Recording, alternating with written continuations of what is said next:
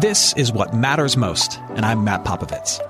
Look, life is crazier than ever, and lots of people, maybe even you, are feeling anxious and overwhelmed.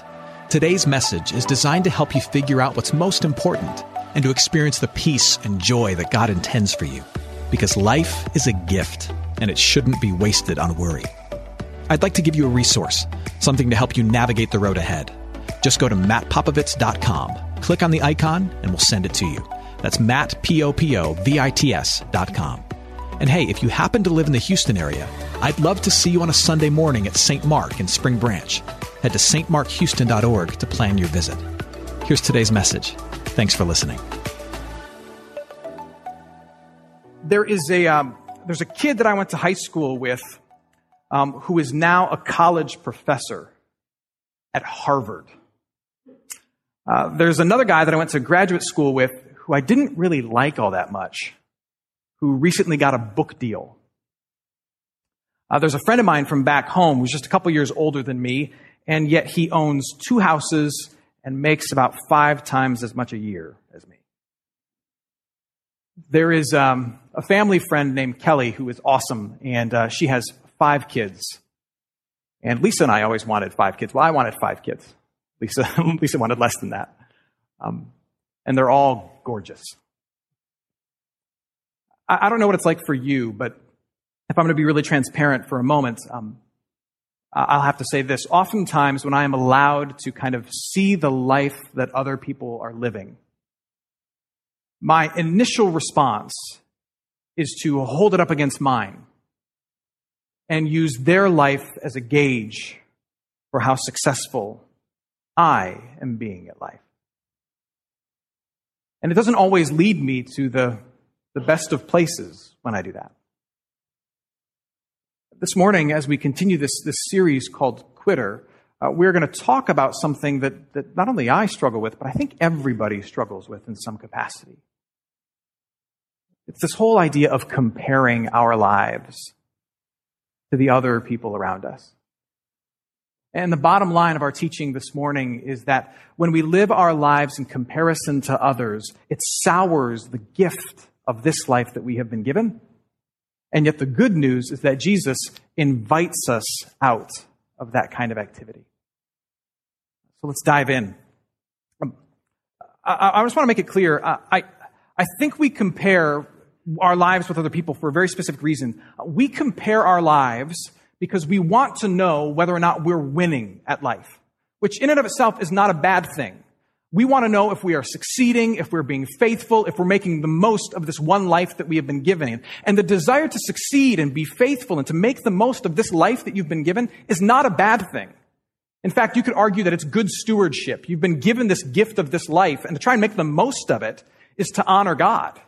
In fact, you even hear Paul, the, the famous pastor and church planter, use words like this in 1 Corinthians chapter 9. He says this, Do you not know that in a race, all the runners run? He's talking about the race of life here, but only one receives the prize. So run, in other words, live, that you may obtain it. He's talking about living the life of faith that you've been given to, to live and running it in such a way that you win.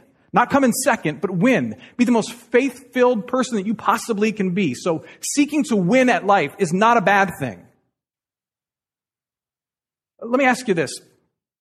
What does winning at life, whatever that means, right? What does winning at life look like for you? I think everybody, for the most part, has some kind of standard in their heart or in their mind.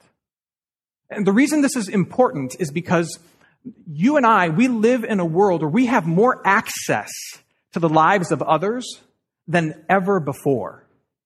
I don't know if you realize this, but, but you know, years and years ago, um, when, you, when you graduated from high school, the day you walked across the stage and got your diploma was the, was the last time you saw 90% of those people. And the kid in, in chemistry class whose name you never bothered to learn, you never saw him again. But, but those days are gone.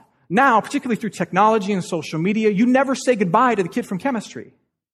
You now know what the kid from chemistry had for lunch. You know how the kid from chemistry feels about Obama. You know, you know that the kid from chemistry now has this incredibly beautiful family that you've always wanted. You know this.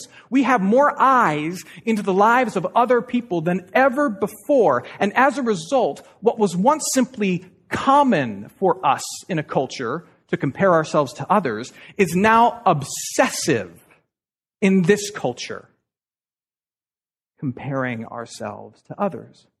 And we do it constantly as a gauge to know whether or not we are being successful, whether or not we're being faithful, whether or not we're making the most of this one trip around the carousel that we've been given. We compare in this day and age more than any other. Now, here's the irony even though we compare ourselves with others in an effort to, to kind of win in this human existence that we have, the irony is that the more we compare, the more likely we are to lose. Um, in fact, I would argue that that's what Paul's point in his text is today. Uh, Paul says this um, in 1 Timothy chapter 6 um, he, he's talking about chasing after riches, however your culture and your time and place defines those things, and how chasing after kind of success according to everybody else's standard will lead you down a kind of a dark and dangerous path. Listen again to what he says. Those who desire to be rich fall into a temptation, into a snare, into many senseless and harmful desires that plunge people into ruin and destruction. For the love of money is a root of all kinds of evils. It is through this craving that some have wandered away from the faith and pierced themselves with many pangs. So don't get hung up on this text and the fact that Paul is specifically talking about money. Um, what Paul is really getting at in his larger point is that pursuing after success and riches according to the world's standards, whether it be, whether it be recognition, whether it be money, whether it be whatever this world holds up high as success, chasing after those things ultimately leads you down, down a destructive and unhealthy path. And what, what, what we're talking about this morning is that comparison is kind of an on ramp into that destructive path that Paul warns us of. And even though we do it in an effort to win at life, it actually kind of pulls us off of the track we want to be on and invites us to lose. In particular, what I see in this text is that what comparison does is that it invites us to lose three things we want to hold on to.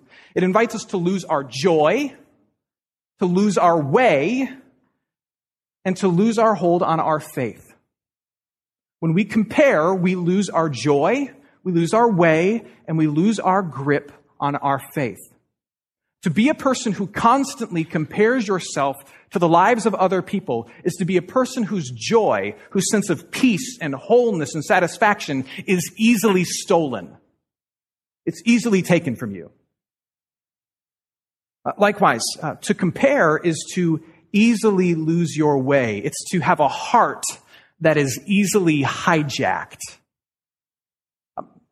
I am sure you have been in a situation like this where, where you are just kind of going through your day, living your life. You've got a plan in place for what you're going to accomplish. And then all of a sudden, out of this corner of your eye, or something pops up on your screen, you see what somebody else you know is doing with your day and you start to second guess your priorities.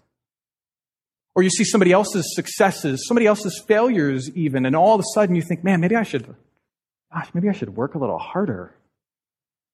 And all of a sudden we, we're changing what we're doing to compete with what somebody else is doing. And in that moment, we are making decisions in our life based not on what's best for our life or, or, the path we were walking in our life or what we believe, our faith in this life. We are making our decisions based on somebody else's life. And when that happens, your your heart has been hijacked. You've been on one path and now all of a sudden you've compared and now you've, you've leapt onto somebody else's. And that's where it leads us to faith. To compare yourself to somebody else is ultimately to invite idolatry into your life. And I know that, that for, for us who are kind of in the church circle, that that's a really strong word, idolatry, like worshiping the wrong God. But But what else would you call something that, that holds your joy in its hands and guides the direction of your heart? The thing that holds your joy in its hands and guides the direction of your heart is by definition your God. Now, now the good news is that there's an answer to this. And the answer is not simply to stop. It's not as if comparison itself is a bad thing. The answer is not to stop comparing, but actually, the answer for followers of Jesus Christ is to shift your point of comparison. You see, what God knows is that it's inevitable. It's inevitable for us to need something to gauge ourselves against in order to know whether or not we're being faithful, in order to know whether or not we're being successful. And so what God invites us to do is not to, to stop comparing as if we put blinders on and just pretend the rest of the world doesn't exist. What he invites us to do is shift our point of comparison. We compare ourselves against something different. Specifically, rather than looking, living our lives looking to the side at the other people around us, what a follower of Jesus Christ does is we are invited to look back, look back at ourselves in light of what Christ has done to us. Now, now this implies that, that you have a knowledge of where you were apart from Christ. So let's go there for a second. Like, who were you prior to being connected to Him? The scriptures say that you were born into this world disconnected from the grace and the goodness of God, like cut off, with nothing but, but your gut instincts to guide your way, nothing but your heart and your mind to be your God. And yet at some point in your history, he grabbed a hold of you because you earned it, because you found it, because you deserved it. No, because he wanted to give you it. He wanted to give you grace and mercy and forgiveness. He grabbed hold of you and he connected you to Jesus. And now Christ is your king and he's loving you and he's leading you and he's forgiving you. He, has got this perfect record for how he lived his life and he's given it to you and you get to tout it as your own. And you don't live with guilt and shame. You live with forgiveness and love, and that love is shaping you. And God is inviting you to be a person who shows love to the rest of the world like you've received love. And in doing so, you bring light into this world that is so often so dark. That's who you were. That's what God has done. Christians compare all the time. In fact, we are commanded to compare ourselves, but we don't compare ourselves with where others are going. We compare ourselves with how far we've come by grace in Jesus Christ. And the genius is that when we, we look back on how far we've come in Christ, the equation always ends up positive. Like even if you're not as rich as you want to be, not as, not as beautiful as you want to be, not as, not as successful or applauded as you want to be, when you compare back to who you were apart from Christ, you will always realize that you are more loved, more forgiven, more grace filled and more eternal than you deserve to be. Always. And you then see today for what it is a gift. What you do to know whether or not you're moving forward, to know whether or not you, you are being faithful or successful and to have peace in your presence is you look back. You look back on the promises made and the promises kept. You look back on the lessons learned, the, the memories carved out. You look back on those things. And by looking back on how far you've come, you get peace in the present and fresh hope for the future. That's why we do those things. To compare yourself with others, to constantly look to the side, is to trade the gift of where you are today with the lie of where you should be according to others. Why do you think when you come to church, we, we tell the same story over and over again? Look, we, we, we put a different wrapping on the message, and I, I, I put a different topic together, and we sing different songs, but, but in case you haven't noticed, it's all the same story. You were lost. God grabbed you by grace. Now you're found and you're free. It's because we are choosing to orient our present around the work of God so that it doesn't have to be shaken by the successes and works of other people. That's why we're doing that. We're looking back on how far we've come in Christ so that we can stay on the path He's put us on with joy that's secure and faith that has the right focus. That's why. I hope you're enjoying today's message. For more of what matters most, you can head to mattpopovits.com. There you'll find other messages. You can support this ministry as well as access your free gift. Oh, and if you're looking for a local church and you live in Houston, come and see what's happening at St. Mark Houston. To plan your visit, head to stmarkhouston.org. Thanks for listening, and back to today's message. And this is one of those areas where, where being a person of faith is a better alternative to, to like simple agnosticism. So like if, if you if you're a person who considers yourself aspiritual or, or just, just not a person of faith at all, this whole wrestling of what you do with the, with the drive to compare yourself to others is a difficult thing for you to navigate. Because if you're a person who, who doesn't have any kind of faith in something outside of themselves, you really have two choices. You need to know whether or not you're being faithful in this life. You need to know whether or not you're, you're on the right path in this life. So you either look at other people and compare yourself against them, which, as we've talked about, just leads you down this destructive path of chasing others. Or you look inside yourself and you say, well, I'm going to be my own determiner. I'm going to be my own judge of whether or not I'm a good person, whether or not I'm succeeding or failing at this life. But then if you're honest, you have to admit that we don't even keep our own standards, that we break promises to ourselves. Neither of those are good choices to just compare yourself to others and chase what they're chasing or look inside yourself and know that you let yourself down. What Christ offers is a better alternative. He says, come here. Come here, and I, and I, will, I will give you a moment in time where I choose you and I forgive you and I set you on a path of loving you. And then rather than look to the side or look inside yourself, you just look back on what I've done for you and you constantly get to say, wow, how far I have come by the grace of God. I was lost, now I'm found and I'm free. You get to look back and say, this is who I was, this is who I am today. And the net of that equation will always, always be positive. That's a better alternative. And when we live in that place, what, what Paul says, something beautiful happens. When we live in that place where we're looking back constantly on, on some life changing moment given to us by God, then the reality that we're living today becomes pure grace. When I'm looking back on a life changing moment as my constant point of comparison, then everything I'm living today becomes grace. And when everything you're living today becomes this undeserved gift, then your life begins to fill with this deep, sustainable sense of contentment. In fact, Paul says that getting to a place of contentment, that should be your actual goal in life. That, that getting to a place of, of contentment and peace with who you are and where you are no matter who you are and where you are, in light of God, that's really winning. But listen to what he says. He says, godliness with contentment, that, that is great gain. For look, we brought nothing into the world, and we can't take anything out of the world. But if we have food and clothing, with these we will be content. Look, from Paul's perspective, is, is this. He says, if you can get to a place of real godly contentment where you're saying, look, I know that I'm right with God through Jesus Christ and I'm walking with Him, godliness, and that everything else in my life is simply icing on this undeserved cake, then you win. If you get to that place, then you win. That's better than being a good mom.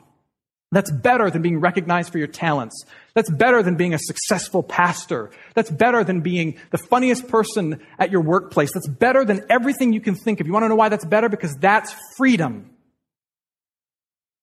Contentment is freedom.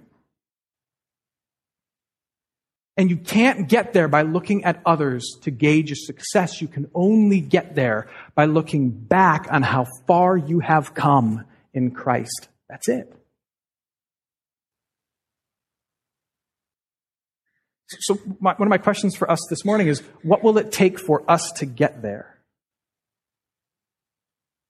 What will it take for us to get to that place of, of godly contentment? Yes, it's about looking backwards on the completed work of Christ and who I am in light of it and just kind of training myself to look to the side less. But, but how do we look to the side less? For some of us, it's really practical. We have our eyes on way too many other people's lives.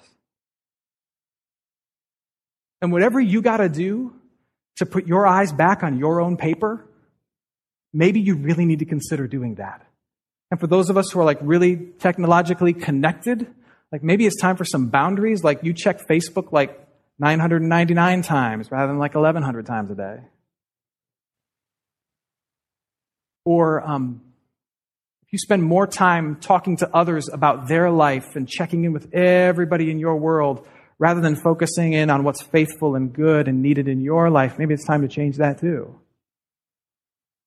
Or, or maybe it's, it's simply about having more avenues for God to speak in your life so that, the, so that it's not just the lives of others influencing you. Maybe, maybe it's about prayer for you, or it's about the Word of God for you. You know what it is for many of us? It's about the community and the people of God. We are starving because we don't have relationships with people who can tell us who we are in Christ and not who we should be based on their accomplishments. You want to know why it is that I just kind of relentlessly say, come to our missional communities, come to our missional communities. Why this October we're going to release even more. It's because you need to be surrounded by people. I need to be surrounded by people who see you in light of what's happened to you in Christ, who are not simply standing next to you, comparing them to you and you to them. That's what you need. Or maybe for you, if you are here as a skeptic, for you it's about realizing that you are not a skeptic, that you are a Christian. And that God has laid a hold of your life and given you a trust in this person of Jesus that maybe you don't really understand much yet, can't really, under, can't really explain much yet, but all you know is that your heart is hitched to Him. And realizing that you now have a new point of comparison. It's not your colleague, it's the work of your King.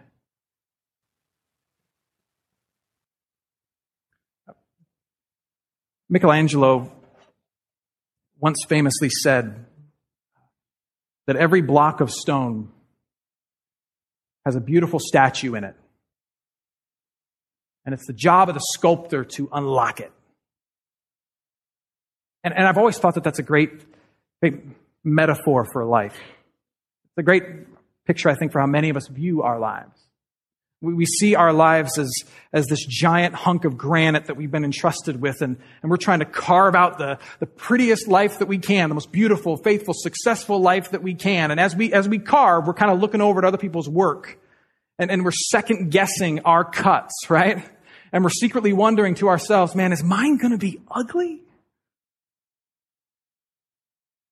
And the good news is that is that Christ has come into this world, and, and, what he's done is he has carved out the most beautiful, most lovely, most forgiving, uh, most amazing, most eternal, most peace giving life that's ever been lived. He's come into this world and he's carved out the greatest piece of art ever.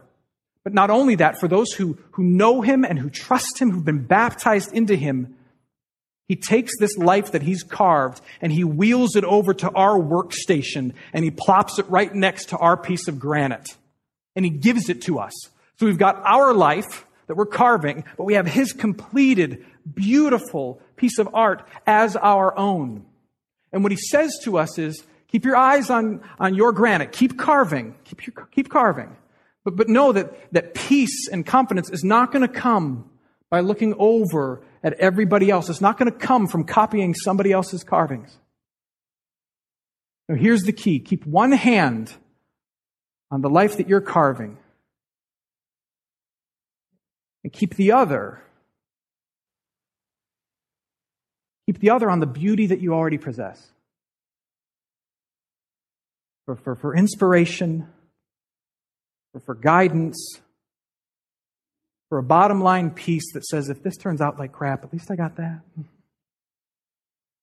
For hope and for joy, for leverage at times.